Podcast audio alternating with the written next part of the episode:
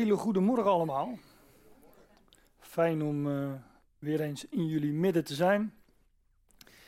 Ik wil het uh, deze ochtend eens hebben over een uh, feestelijke optocht. En dat is niet vanwege alle verjaardagen en huwelijk, huwelijksjubilea die we zojuist voorbij hoorden komen, maar voor een andere gelegenheid. Um, ja, een intocht in Jeruzalem, maar zo heb ik het maar niet genoemd, want dat had wellicht voor wat verwarring uh, gezorgd, want dat is weer een andere geschiedenis. Maar ik wil het hebben over uh, een geschiedenis die we vinden in uh, 2 Samuel 6. De ark komt daar aan in Jeruzalem. we vinden hem in 2 Samuel 6, maar ook in 1 Kronieken 15 is het, meen ik. En um, ja, degene die hier een uh, maand of twee geleden ook waren, toen ik hier de laatste keer sprak, die, uh, die weten dat ik uh, de vorige keer een eh, gedeelte uit hetzelfde hoofdstuk heb behandeld. Dus ja, dit zou je kunnen zien, dit, dit, mag je zien als een vervolg daarop. En ja, dat, dat is het dan ook. En een vervolg op, op wat ik hier de vorige keer naar voren heb gebracht. Over die ook, ook over een uh, optocht naar Jeruzalem, maar die werd onderbroken. Nou, ik zal er straks wel even op uh, terugblikken. Um, en um, ja, voor degenen die denken van ja, maar dat is twee maanden geleden, Gerard, dat je hier was. Uh, ga je dan nu na zo'n lange onderbreking pas deel 2 van zo'n studie geven? Dan denk ik van nou, twee maanden valt wel mee, want de onderbreking waar het hier over ging was drie maanden. Dus ik het is dan nog wat aan de korte kant, zal ik maar zeggen. Dus dan ben ik die, uh, die mensen vast uh, voor. Nou, ik uh, kan me voorstellen dat ik jullie geheugen moet opfrissen. En wellicht dat er ook nu wel in ons midden zijn die er vorige keer niet bij waren. Dus die, die hebben sowieso dan even een terugblik nodig. Maar die had ik zelf ook wel even nodig hoor. Dus laten we even kijken naar wat we vorige keer besproken hebben. En ja, dat kon ik op een aantal manieren doen. Ik had het gewoon de versen kunnen lezen, maar ik dacht, nou laat ik dat eens uh, uh, weergeven in een uh, soort van tijdlijntje. Het voorgaande hoofdstuk, dus het hoofdstuk voorafgaand aan 2 Samuel 6, is natuurlijk 2 Samuel 5. En in 2 Samuel 5 vind je beschreven dat David koning wordt. En dat hij de stad Jeruzalem verovert op de Jebusieten. Die stad heette Jebus. David verovert hem en uh, noemt, hem, noemt de stad Jeruzalem. En de naam Jeruzalem betekent zoiets als stichting van vrede. En ja, ik heb de vorige keer, uh, ben ik daar wat uitgebreider op ingegaan, maar de stad Jeruzalem staat model, is een illustratie van dat toekomstige koninkrijk van de Messias, wat wij dan ook wel uh, uh, het vrederijk noemen, hè? of het Messiaanse vrederijk, of het duizendjarig vrederijk. Dat zijn allemaal van, uh, van die termen uit het christelijke jargon, om het zo te zeggen. Of ze altijd even bijbels zijn en naar de schrift, dat... Ehm, nou ja, dat niet altijd, maar we weten in ieder geval wat daarmee bedoeld wordt. En um, David is dus in deze geschiedenis ook een type, een beeld van de zoon van David. Die zijn koninkrijk gaat vestigen. En in 2 Samuel 5 is David degene, de koning, die een begin maakt met de vestiging van zijn koninkrijk. En hij is daarmee een type van de Messias die een begin maakte met de vestiging van het koninkrijk. En dat heb ik vorige keer ook nog even laten zien. Dat het bijzonder is dat David koning werd op zijn dertigste jaar. En dat we in de evangelie, bij het begin van het openbare optreden van Jezus, was hij ook 30 jaar. Hè? Dat is de, tijd waarin um, eerst Johannes de Doper, maar later ook Jezus predikte, bekeert u, want het koninkrijk der hemelen is nabijgekomen. Nou, dat... Uh, wordt dan geïllustreerd in dat uh, voorgaande hoofdstuk. En Jeruzalem is dan ook de stad van de grote koning. En is daarmee een beeld van dat uh, nu nog steeds toekomstige vrederijk. Dan heb ik vorige keer um, de vorige keer dat ik hier was, heb ik dit gedeelte besproken. 2 Samuel 6, vers 1 tot 11. en wat vinden we daar dan beschreven? Om even het geheugen op te frissen. Ehm, ja, voor sommigen zegt een plaatje meer dan uh, duizend woorden. Dus ik denk, nou, ik begin eens met een plaatje. maar dit is uh, in één afbeelding samengevat die geschiedenis die we vinden in 2 Samuel 6, vers 1 tot 11. En uh, degene die op een, uh, een zondagschool, of in ieder geval een goede zondagschool zijn geweest, die kennen deze geschiedenis. Ik ben op een goede zondagschool geweest, dus ik ken hem. En ik zag hier ook de vorige keer wel wat uh, herkenning. Maar voor degenen die bij dit plaatje niet genoeg hebben, ik zal uh, een, korte, korte beschrijving geven van de geschiedenis. David, um, als koning, gaat de ark naar Jeruzalem brengen. dat is wat er nog moet gebeuren om dat koninkrijk, om, om, om, ja, die, die ark moet in Jeruzalem komen. Dat is de bedoeling van, van David in deze geschiedenis. Die ark wordt op een nieuwe kar gezet. En vervoerd naar Jeruzalem.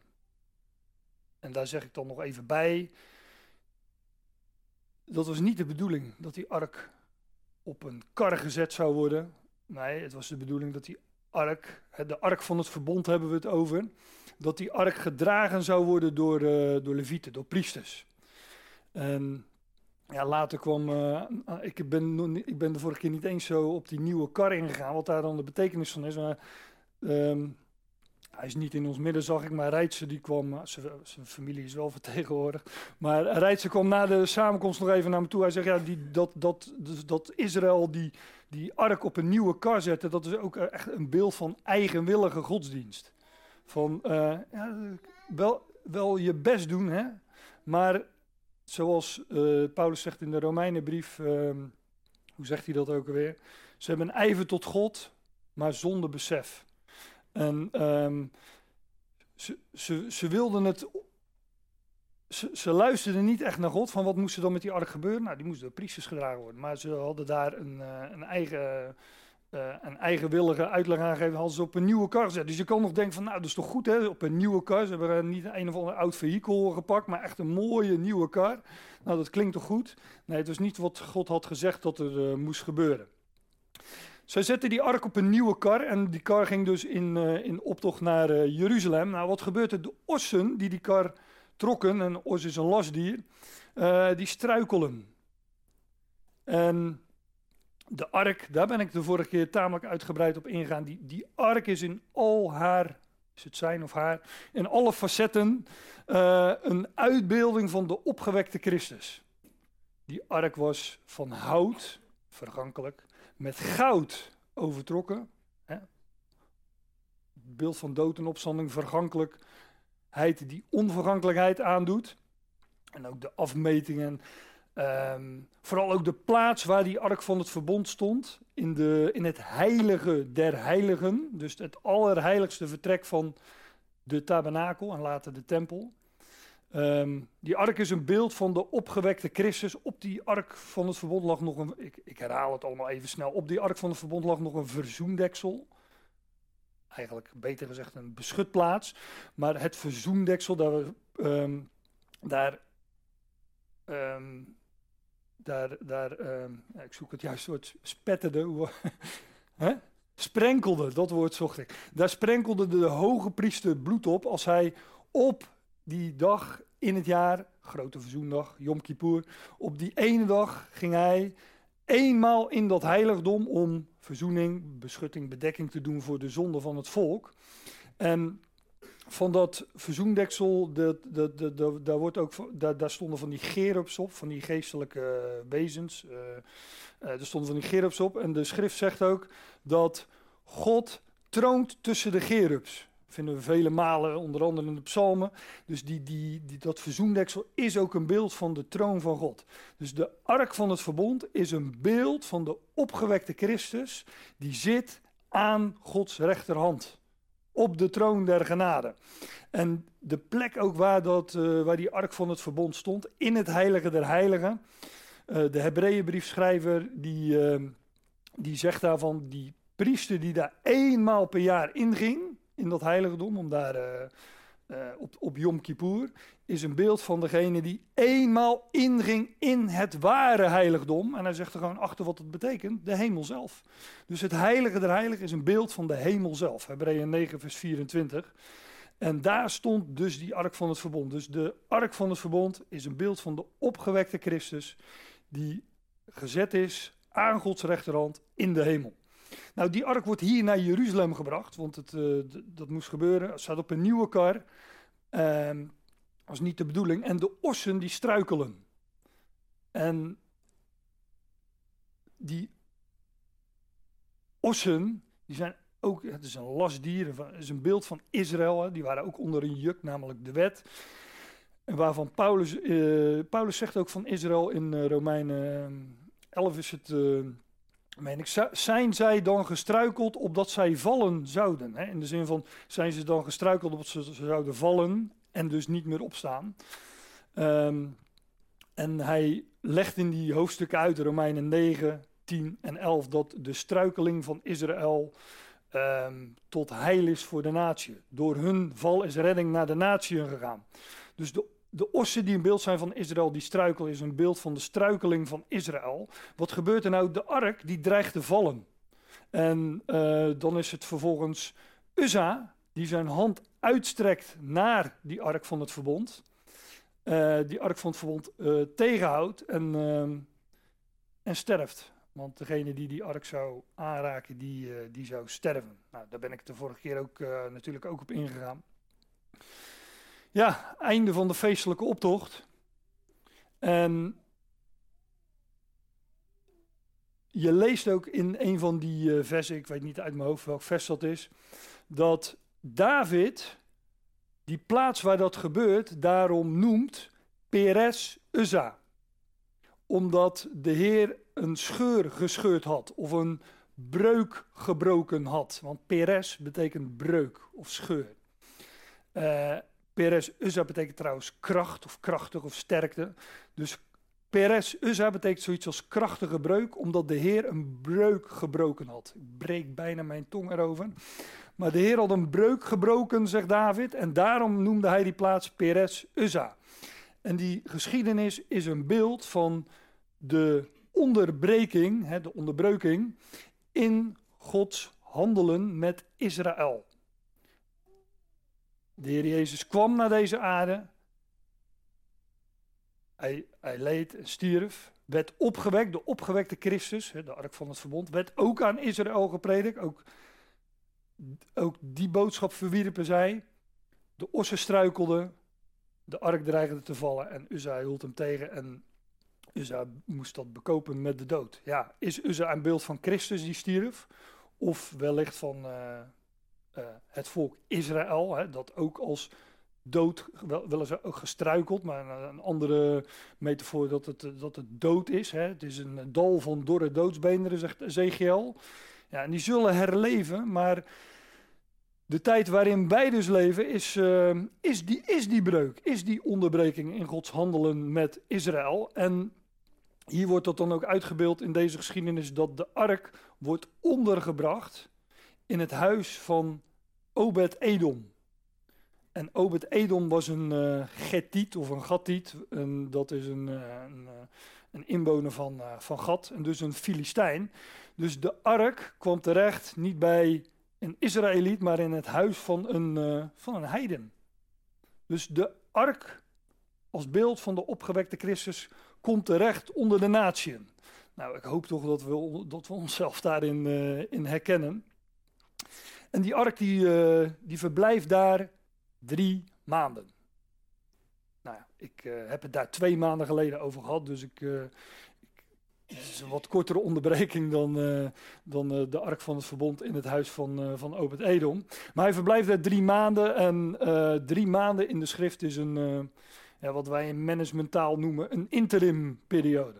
Een tussenperiode eh, vaak ook een verborgen periode. Hè. Dat heeft en de, de, de illustratie, wat, wat het hier illustreert, heeft ook alles te maken met de verborgenheid.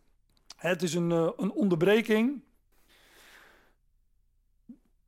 De, het beschrijft, het illustreert de periode waar, waarin door hun, door Israëls misstap, redding naar de natie is gegaan. Of moet ik het zeggen met de woorden van Paulus in uh, Colossense 1 vers 27, schitterend. Dit geheim onder de natie, Christus onder jullie. Ja, dus de ark bevindt zich in die breuk, in die uh, tussenperiode, in het huis van Obed-Edom, onder de natie. En dat is uh, een uitbeelding van onze tijd. Nou, de, dat was uh, wat we de vorige keer besproken hebben, even in, in vogelvlucht. Ik heb er de vorige keer iets langer over gedaan. Ik hoop dat het nu iets, spreken we het iets korter te houden. Um, maar uh, we gaan nu naar 2 Samuel 6, vers 12 tot 23. En daar lezen we dus dat de ark aan gaat komen in Jeruzalem. Die feestelijke optocht wordt hervat. De breuk uh, is ten einde en uh, de ark gaat alsnog um, aankomen in Jeruzalem. En onder leiding van, van David gaat dat gebeuren. Er is feest, er is vreugde, muziek, dansen enzovoort. Nou ja, dat hadden we hier vanmorgen ook. Um, dat hebben we hier uh, vanmorgen ook. Er is ook nog brood en wijn. Ik weet niet of dat ook uh, aanwezig is. Wijn heb ik wel gezien, brood nog niet. Maar ik weet niet of. Nou, die koekjes die jullie altijd hebben, daar, die zijn ook van tarwe gemaakt. Hè, dus dat rekenen we ook goed. Maar er is brood en wijn. Ook, ja, daar kom ik straks natuurlijk wel op terug.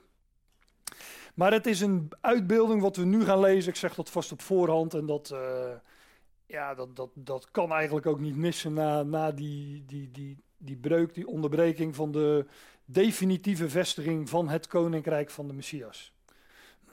De ark van het verbond gaat aankomen in Jeruzalem. En uh, ja, onder leiding van David in de geschiedenis, maar dat is natuurlijk een uitbeelding van de zoon van David.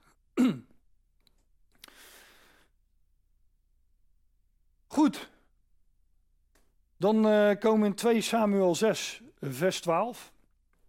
En ik, uh, ik lees gewoon de geschiedenis door. En ja, ik heb jullie eigenlijk al op voorhand ehm, gezegd wat, wat de betekenis is. En ja, dat gaan we ook bevestigd vinden in de versen. Dus ik, ik lees ze gewoon door en dan komen we zelf in vers, wat, was het ook weer? Vers 23, dacht ik. En aan koning David wordt verteld, zeggend. Jawel zegende het huis van Obed-Edom en al wat van hem is, omwille van de ark van God. zoals, uh, zoals wij gelovigen uit de natie ook gezegend worden in, in hem. met, hoe zegt Paulus dat? Uh, Efeze 1 vers 3. Alle geestelijke zegening in de hemel in Christus. Ja, alle geestelijke zegen in de hemel in Christus. Daar ons ontbreekt niets. Geweldig. wij zegen het huis van Obed-Edom en al wat van hem is, omwille van de ark van God. En David gaat en hij brengt met blijdschap, met vreugde de ark van God op van het huis van Obed-Edom naar de stad van David. Ja, de stad van David, dat vinden we in die voorgaande hoofdstukken, dat is, uh, dat is Jeruzalem en dat wordt in, uh, in, uh, in, in het Matthäus-evangelie, wat het evangelie um, is waar, waar juist Jezus wordt voorgesteld, wordt beschreven als de, de koning. Jeruzalem, de stad van de grote koning. En he, zoals, uh, zoals wij het over, de, de, over Nederland wel eens hebben, waar de, waar, de, waar de zetel van de regering is gevestigd, ja, daar in Den Haag. De, daar, uh, zo, is uh, Jeruzalem de, de, de stad waar, waar, waar de, de, troon van de Messias zal staan. Een uitbeelding natuurlijk van, ook van het hele koninkrijk.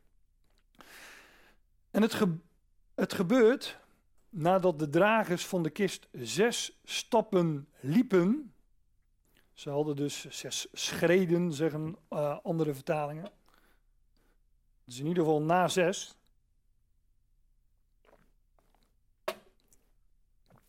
Het gebeurt nadat de dragers van de kist zes stappen liepen. Nou, wat komt er na de zes? We kunnen allemaal tellen, hè? Dan komt de zeven. Ja, nou, ik heb het toch maar uh, afgedrukt.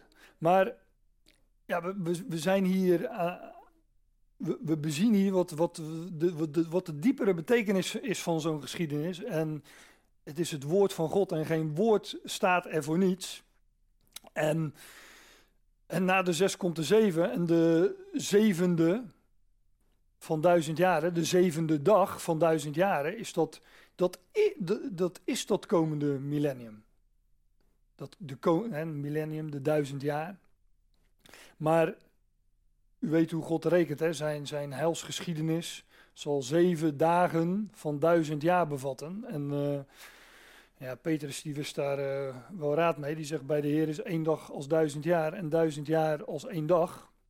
Dat zegt hij overigens in, uh, in de context van de wederkomst.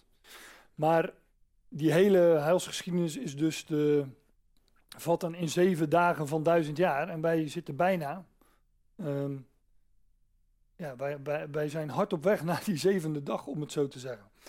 De zevende dag van duizend jaar is dat millennium. In, in, in het parallelgedeelte in 1 Kroniek 15, daar vind je dan ook um, daar vind je een, uh, iets met die zeven. Staat, het gebeurt door de hulp van God dat de levieten de ark van het verbond van Yahweh dragen. Hè, deze keer dus niet op een kar.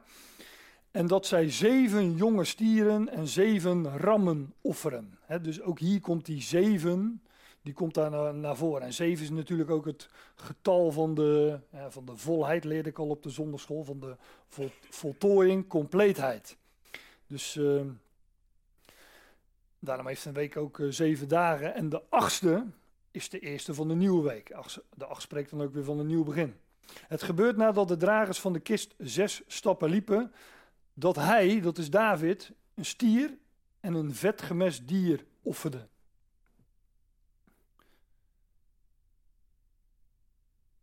Hier is David, een koning, aan het offeren. Dat is ook wel apart. Nou ja, van David zijn we het wel gewend, die at ook toonbroden. En, uh, die, gedroeg zich wel vaker als een priester.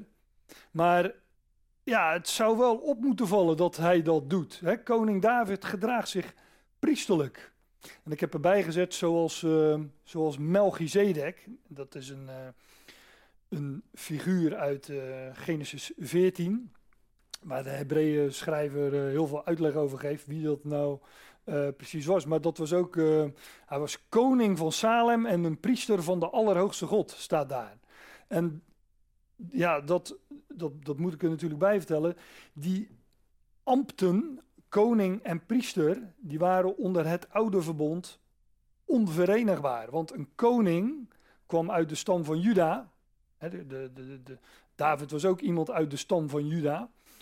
En de priesters die kwamen uit de stam van Levi. Dus een koning kon geen priester zijn en een priester kon geen koning zijn onder dat oude verbond. Maar Christus, dat, ja, dat, dat, dat, dat, dat, dat, zei, dat zei ik al, de Hebreeën, daar gaat eigenlijk de hele uh, Hebreeënbrief over. Christus vertegenwoordigt die beide ambten, koning en priester. Ja, hoe kan dat nou? Onder het oude verbond kan dat dus niet. Maar dan, dan grijpt de Hebreeënbrief schrijver terug helemaal naar Genesis 14 en Psalm 110. Dat zijn de enige andere plaatsen waar je, dat, waar je Melchizedek tegenkomt. Die grijpt erop terug en die zegt van ja, er was ooit al een priester die ook koning was. En Christus is geen hoge priester geworden onder het oude verbond. Dat kon ook niet, want hij was uit Juda. Maar hij is priester geworden naar de ordening, naar de manier, naar de orde van Melchizedek. En hij verwijst daarmee terug naar die mysterieuze figuur in Genesis 14. Nou, koning David gedraagt zich hier dus als een priester, als een, als een hoge priester. Hij, hij offert. En hij is daarmee natuurlijk een illustratie, een beeld van Christus. Die hoge priester is geworden naar de ordening van Melchizedek. Niet onder het oude verbond, nee, maar naar een veel hogere orde. Het gebeurt toen de dragers van de kist zes stappen liepen dat hij een stier en een vetgemest dier offerde. En David huppelt met alle kracht voor het aangezicht van Jawel enzovoorts. Ja, ik, ik heb dat altijd als ik, ehm, als, ik, als ik woorden lees als, uh, als huppelen, dan, dan, dan moet ik altijd aan die. Uh, ik, ik, weet niet of je dat hoofdstuk kent, maar Jezaja 35 is dat. Dat, uh, ik heb het van de week nog eens door zitten lezen. Dat, dat, dat, dat kan je niet lezen. Tenminste, ik kan dat niet lezen zonder een glimlach op mijn gezicht te krijgen. Of een, of een hele brede glimlach. Maar daar staat dat de woestijn, dat de dorre plaatsen zullen bloeien. Dat de lammen zal huppelen. En dat de, nou ja, als dan zullen de ogen der blinden geopend worden. De oren der doven ontsloten worden. Als dan zal de lammen springen als een het. En de tong van de stomme zal jubelen. Allemaal alle beperkingen worden daar opgeheven en uh, alle registers gaan open, om het zo te zeggen. Daar is blijdschap, daar is vreugde. En uh, ja, Jezaja 35 spreekt over dat komende millennium. Dat, dat, dat, dat koninkrijk van de Messias dat op aarde gevestigd zal worden. En daar is David, uh, en ik moest aan, aan, aan de woorden van Jezaja denken toen ik dat las. David huppelt met alle kracht. Hij ehm, hij gooide alles van zich af en uh, hij schaamde zich nergens voor. Dat zullen we straks ook nog wel zien. En uh, is natuurlijk ook een beeld van, van, van kracht, van opstandingskracht. En huppelen van, ja, van blijdschap, zoals een, uh, zoals een het ehm, dartelt en huppelt. dartelen, zo heb ik het ook ergens vertaald gezien. David huppelt met alle kracht voor het aangezicht van Yahweh. En David is omgord met een linnen efot. En als u nou een statenvertaling, een MBG-vertaling of uh, herziene statenvertaling heb ik volgens mij niet nagekeken, maar dus er staat overal een linnen lijfrok. Staat er bij jou een priesterkleed? Een priesterhemd. En welke vertaling is dat? Oké, dus de herziene statenvertaling. Nou, dat hebben ze goed herzien. Want ik heb het uh, woord dan niet vertaald. Maar hier staat het woord efot. En als je dus een statenvertaling en MBG en heel veel andere vertalingen hebt, dan mis je dat. Van ja, de linnen, linnen aan. Ja, dat zal dan wel. Hè, geen wol aan, maar linnen.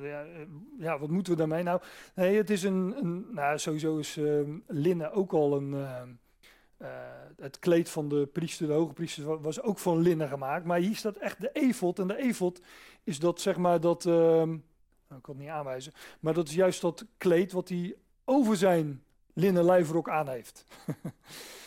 dus dat, uh, dat, dat, dat kleed met al die mooie kleurtjes en uh, die borstplaat met die twaalf stenen op, uh, op de borst en ook nog op de schouder.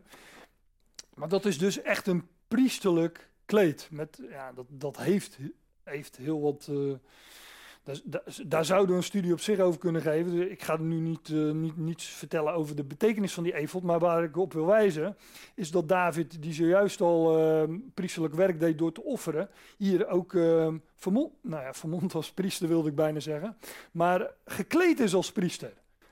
Koning en priester.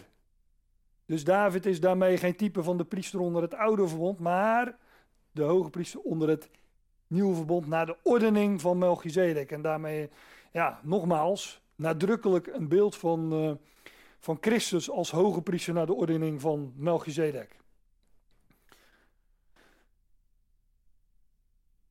Ja, in 1 Kronieken 15 staat het ook. Hè. David was gekleed in een mantel van fijn linnen. Nogmaals, dat is al... Uh, uh, net als de levieten die de kist droegen, dus dat, dat, zijn al, uh, dat is al een priesterlijk kleed. En David droeg een linnen efot, ook in uh, 1 Kronieken 15 vind je dat. Nou, ik lees verder. En David en heel het huis van Israël brengen de ark van Jehovah op met gejuich en met het geluid van de ramshoorn.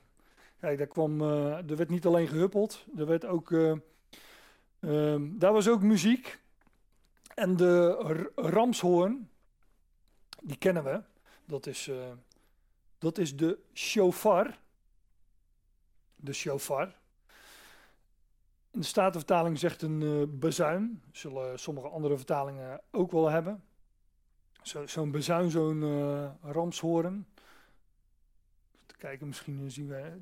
Je zou zeggen in een ruimte als dit dat er wel ergens een plaatje van hangt of zo'n ding aan de muur hangt. Maar uh, liggen ze in de gang. Dus nou. We zullen straks uh, de bezuin blazen. Meestal, dat moet je eigenlijk juist voor de samenkomst doen. Hè? Om het, want het is een, een, een, een, eh, een geluid om, het, om, het, om, ja, om op te roepen tot verzameling. Maar zo'n ramshoorn, ja, die komt van een ram. En het die, ja, die ram, die is natuurlijk dood, want anders zou die, uh, die ramshoorn hier niet liggen. Maar toch spreekt hij en leeft dus weer. En is ook een beeld van, die ramshoorn is ook al een beeld van de opgewekte Christus. Hij is, hij is gestorven, maar hij leeft en dus spreekt hij. Ja, en um, bij de vestiging van het koninkrijk, dat vinden we nogal eens in de schrift, is, en ik zou talloze voorbeelden kunnen noemen van um, uh, waar ook sprake is van het blazen van bazuinen. En ik noem er een paar, bijvoorbeeld in uh, 1 Thessalonicense 4, waar ook een oproep tot verzameling plaatsvindt. Hè? Waar uh, de doden in Christus zullen worden opgewekt en de levend overgebleven tezamen met hen weggerukt zullen worden in wolken de Heer tegemoet. Hè? Dus daar, blaast, daar, wordt ook daar klinkt ook een bezuin. En in openbaring 8 tot 11 vinden we zelfs zeven bezuinen. En die gaan allemaal vooraf aan de vestiging van het koninkrijk van de Messias. Daar, daar, gaat het boek Openbaring over. De openbaring van Jezus Christus. Wanneer hij geopenbaard zal worden. Nou, en David en heel het huis van Israël brengen de ark van Jahweh op met gejuich en met het geluid van de ramshoorn. En de ark van Jahweh, de ark des Heren, kwam de stad van David binnen. En Michal, dochter van Saul, keek door het raam en zij ziet de koning David, springende en huppelende voor het aangezicht van Jahweh. David ging helemaal los. en zij veracht hem in haar hart.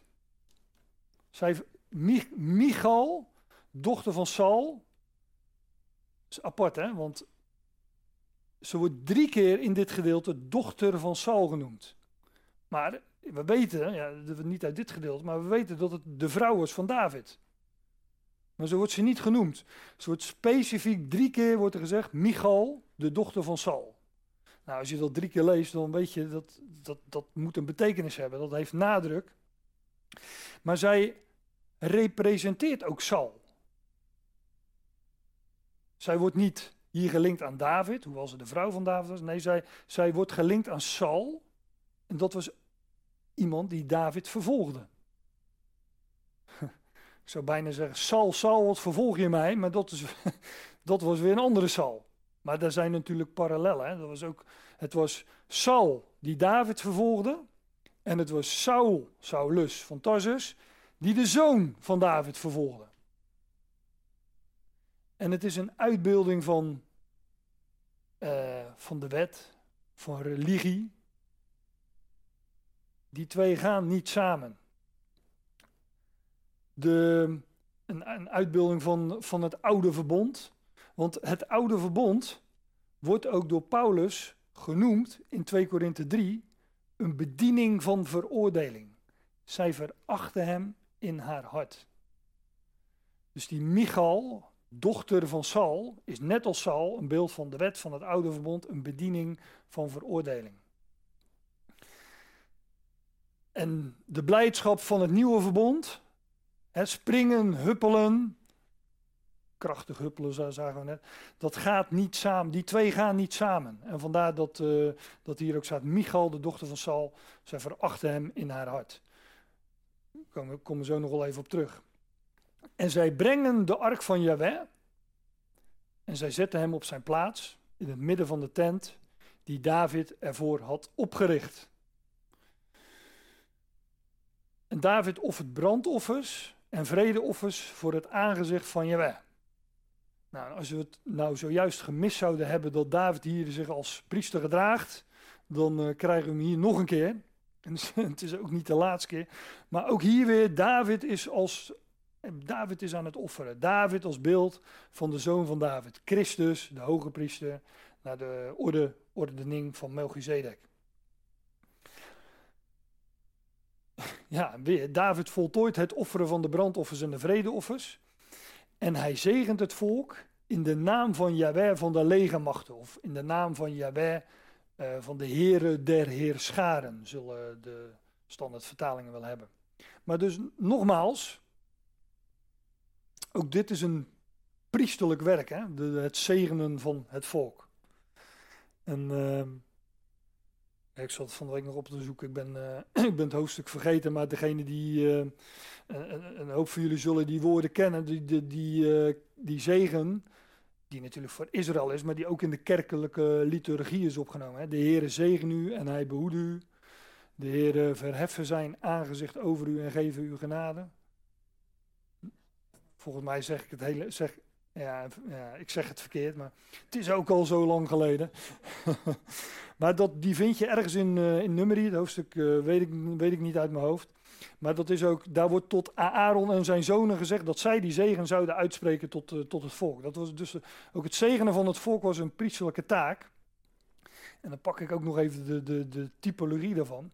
Wij, wij kennen een hoge priester naar de ordening van Melchizedek die net als die hoge priester hier op aarde inging in dat heiligdom, in het heilige der heiligen, maar hij dan in het ware heiligdom. En hij is in deze periode verborgen voor het oog van Israël. Maar wat gebeurt er als hij straks naar buiten komt, zoals die priester uit de tabernakel kwam en het volk zegende, zo zal hij verschijnen aan zijn volk vanuit de hemel, ja, en zijn volk, Israël, ook zegenen. Zijn zijn voeten zullen staan op de olijfberg enzovoort. Geweldig hoe die, ja, hoe die, hoe die dingen al duizenden jaren van tevoren geïllustreerd zijn in, uh, in Gods woord. Met David, koning en priester dus. Hè? Een, koning, een koning die zich priesterlijk gedraagt en daarmee een type van, uh, van onze Heer Jezus Christus. En hij deelt aan heel het volk, aan heel de menigte van Israël, van man tot vrouw, aan ieder een broodkoek, wat het dan ook wezen mag, een stuk vlees en een druivenkoek. En heel het volk gaat, ieder naar zijn huis. ja, als je nu mee zit te lezen in een vertaling, um, dan hangt het af van, uh, de een zegt een, uh, zegt een broodkoek, een rozijnenkoek en een druivenkoek. Of, ik weet niet, ik heb allerlei, uh, dat, dat, dat stuk vlees, dat is ehm, nogal twijfelachtig wat de vertaling daar moet zijn, uh, geloof ik. Dus de, de, vertalers komen daar niet uit. Tenminste, dat concludeer ik na, na, nadat ik een aantal vertalingen naast elkaar heb gelegd. Maar hm? dadels, ja, dadelkoek of dadels heb ik ook gezien, ja. ja. Jij hebt fles, ja, ja, fles wijn ook nog, ja. Dat is denk ik statenvertaling. Fles en dan wijn uh, in schuine letters. Nou ja, dadels, een fles wijn en een stuk vlees. Nou, dan heb je aardige maaltijd, maar uh, het is allemaal de, vertaling van hetzelfde woord. Dus blijkbaar zit daar, uh, ik weet niet wat precies de achterliggende uh, moeilijkheid is. Maar kijk, in ieder geval gaat het hier over een broodkoek en een druivenkoek of een rozijnenkoek. Die, die, fles wijn, die andere vertalingen uh, weer tussen zetten. Maar in ieder geval gaat het hier, dat, dat, is, dat is duidelijk, hè, van, van druiven wordt wijn gemaakt. Tenminste, dat is de bedoeling van druiven. Ja, je, je kunt ze ook wel los eten, maar in, in de schrift is het de bedoeling dat van druiven wijn wordt gemaakt. Het heet niet voor niks, uh, die plant waar ze aan groeien, heet niet voor niets de wijnstok.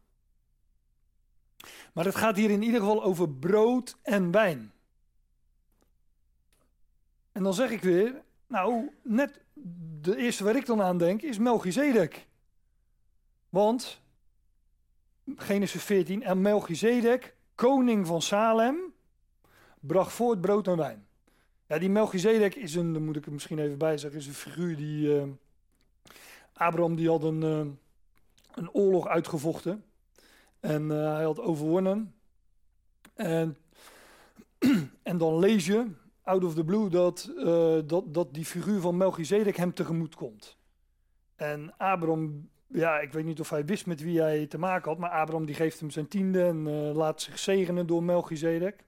En uh, Melchizedek, koning van Salem, het latere Jeruzalem, Salem, koning van Salem, bracht voort brood en wijn. Ja, en die Melchizedek is in heel zijn doen en laten en uh, nogmaals, de Hebreeënbrief schrijven gaat er uitgebreid op in. Al die aspecten van Melchizedek die genoemd worden. En ook alles wat er niet over hem genoemd wordt, want dat heeft ook allemaal betekenis. Maar in al zijn facetten is hij een uitbeelding van Christus, de hoge priester van het nieuwe verbond. En dus brengt hij voor het brood en wijn, want dat zijn uitbeeldingen van leven en overvloed.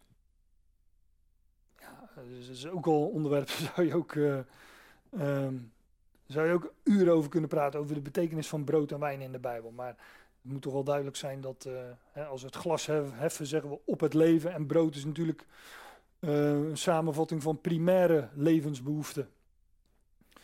Brood en wijn. En hij was priester, dus een koning die ook een priester was. Hè, wat onder het oude verbond dus niet kan.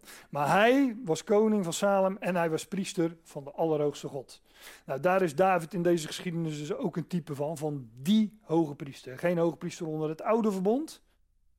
Want daar zegt de Hebreeënbriefschrijver ook van, ja, die werden allemaal door de dood verhinderd te blijven. Oftewel, ja, die stierven elke keer, dus dat was een probleem. Er moest weer nieuwe priester komen. Nou, maar wij, zegt dan de schrijver van de Hebreeënbrief, wij hebben een priester die altijd blijft. Want hij, hij is geen priester onder het oude verbond, want ook dat oude verbond werd beëindigd, maar onder het nieuwe verbond en um, na de orde, ordening van Melchizedek. David uh, keert terug om zijn huis te zegenen. Nogmaals, priestelijk. En Michal, dochter van Saul, gaat uit David tegemoet. En zij zegt, en dit is, uh, hoe zeg je dat, scherend, uh, of meer snerend. Hoe glorieus was vandaag de koning van Israël, die zich vandaag ontblootte voor de ogen van de dienaressen van zijn dienaren, zoals een leeg hoofd. Raka staat er in het Hebreeuws, een, eh, een lichtzinnig man hebben sommige vertalingen geloof. Zoals een lichtzinnig man of een leeghoofd, een dwaas, zich ontbloot. Dus zij zegt tegen David, hoe glorieus was vandaag de koning van Israël, jij dus, hè, David, die zich vandaag ontblootte, want hij had zijn koninklijke mantel en alles wat daarbij hoort, had hij, uh, had hij afgegooid. En een andere, iets anders aangetrokken, die zich vandaag ontblootte. En dan niet voor de ogen van zijn dienaren, nee, voor de ogen van de dienaressen van zijn dienaren. Dus voor, uh, voor het gepeupel, het laagste van het laagste onder het volk, had David dat gedaan, ten overstaan van iedereen. En dat, uh, daar verachtte Michal David dus om. Zoals een lichtzinnig man of een leeg hoofd zich ontbloot. nou, gelijk door naar het commentaar van David. En David zegt tot Michal, voor het aangezicht van Yahweh, dit is ook een sneer, die mij verkoos boven jouw vader en boven ieder van zijn huis. Alsjeblieft, die kon ze in de zak steken. voor het aangezicht van Jaweh, die mij verkoos boven jouw vader en boven ieder van zijn huis, dus ook boven jou mij opdragen te regeren over het volk van Yahweh, over Israël. Ja, voor het aangezicht van Yahweh heb ik gehuppeld. Precies. En ik onteer mijzelf nog meer dan dit.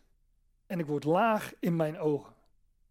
En met de dienaressen van wie jij sprak, met hen zal ik verheerlijkt worden.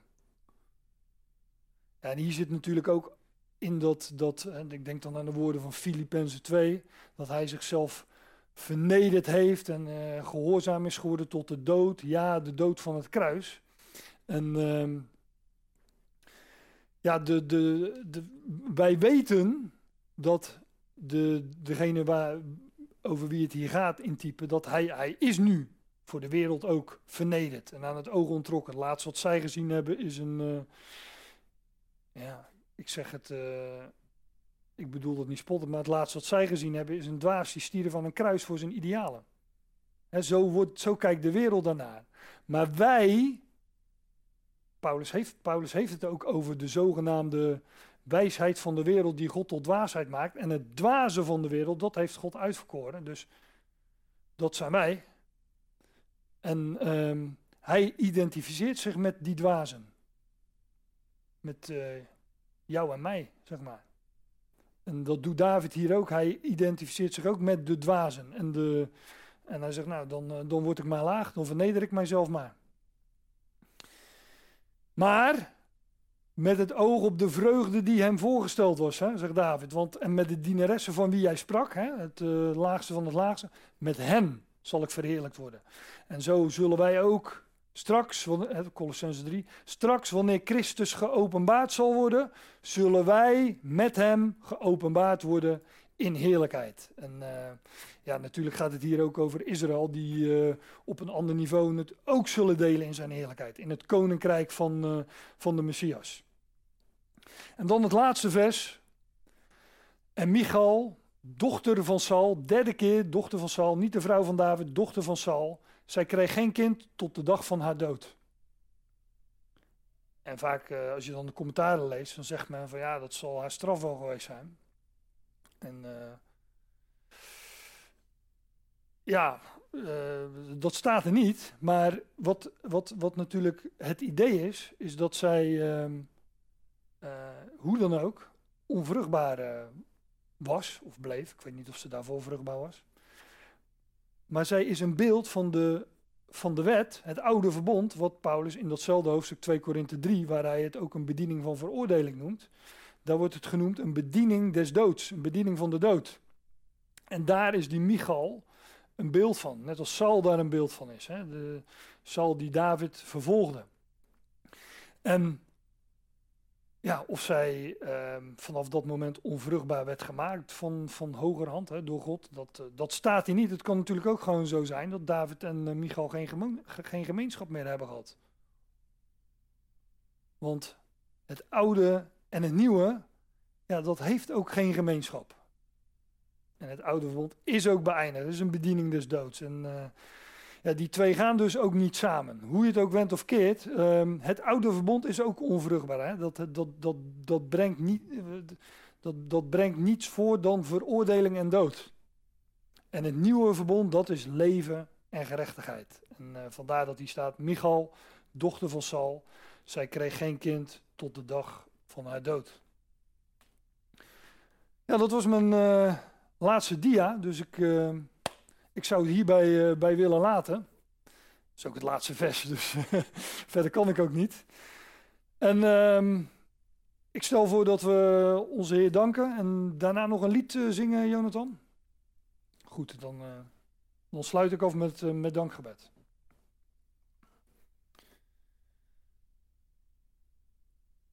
Trouwe God en Vader, we danken u dat we zo deze ochtend mochten nadenken over die geschiedenis van die duizenden jaren geleden heeft plaatsgevonden, waarin u geweldige waarheden die, uh, ja, die ook nog toekomst zijn, die, die daarin geïllustreerd worden, Heer. En wat is het geweldig om daar naar uit te mogen kijken. De, de blijdschap die, uh, die David had en die, die straks met de vestiging van het koninkrijk over deze hele aarde ge, gevestigd zal worden. Er zal er vreugde zijn en blijdschap en leven en gerechtigheid. En wat een contrast is dat met de wereld waarin we leven, Heer. En we, wij danken u dat we in deze duistere wereld, uh, waar zoveel onwetendheid is, dat, dat wij nu al geopende ogen mogen hebben voor dat woord. Dat woord dat, dat, u, met ons, dat u met uw licht in onze harten geschenen hebt en dat we verlichte ogen van het hart mogen hebben en deze dingen mogen onderzoeken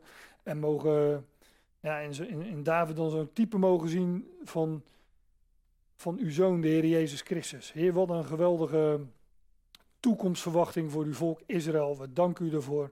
Wat een geweldige toekomstverwachting heeft u voor ons en wat een geweldige toekomstverwachting heeft u voor heel uw schepping in petto. Daar dank u voor en we prijzen u als onze machtige God die alles tot een goed einde gaat brengen. Amen.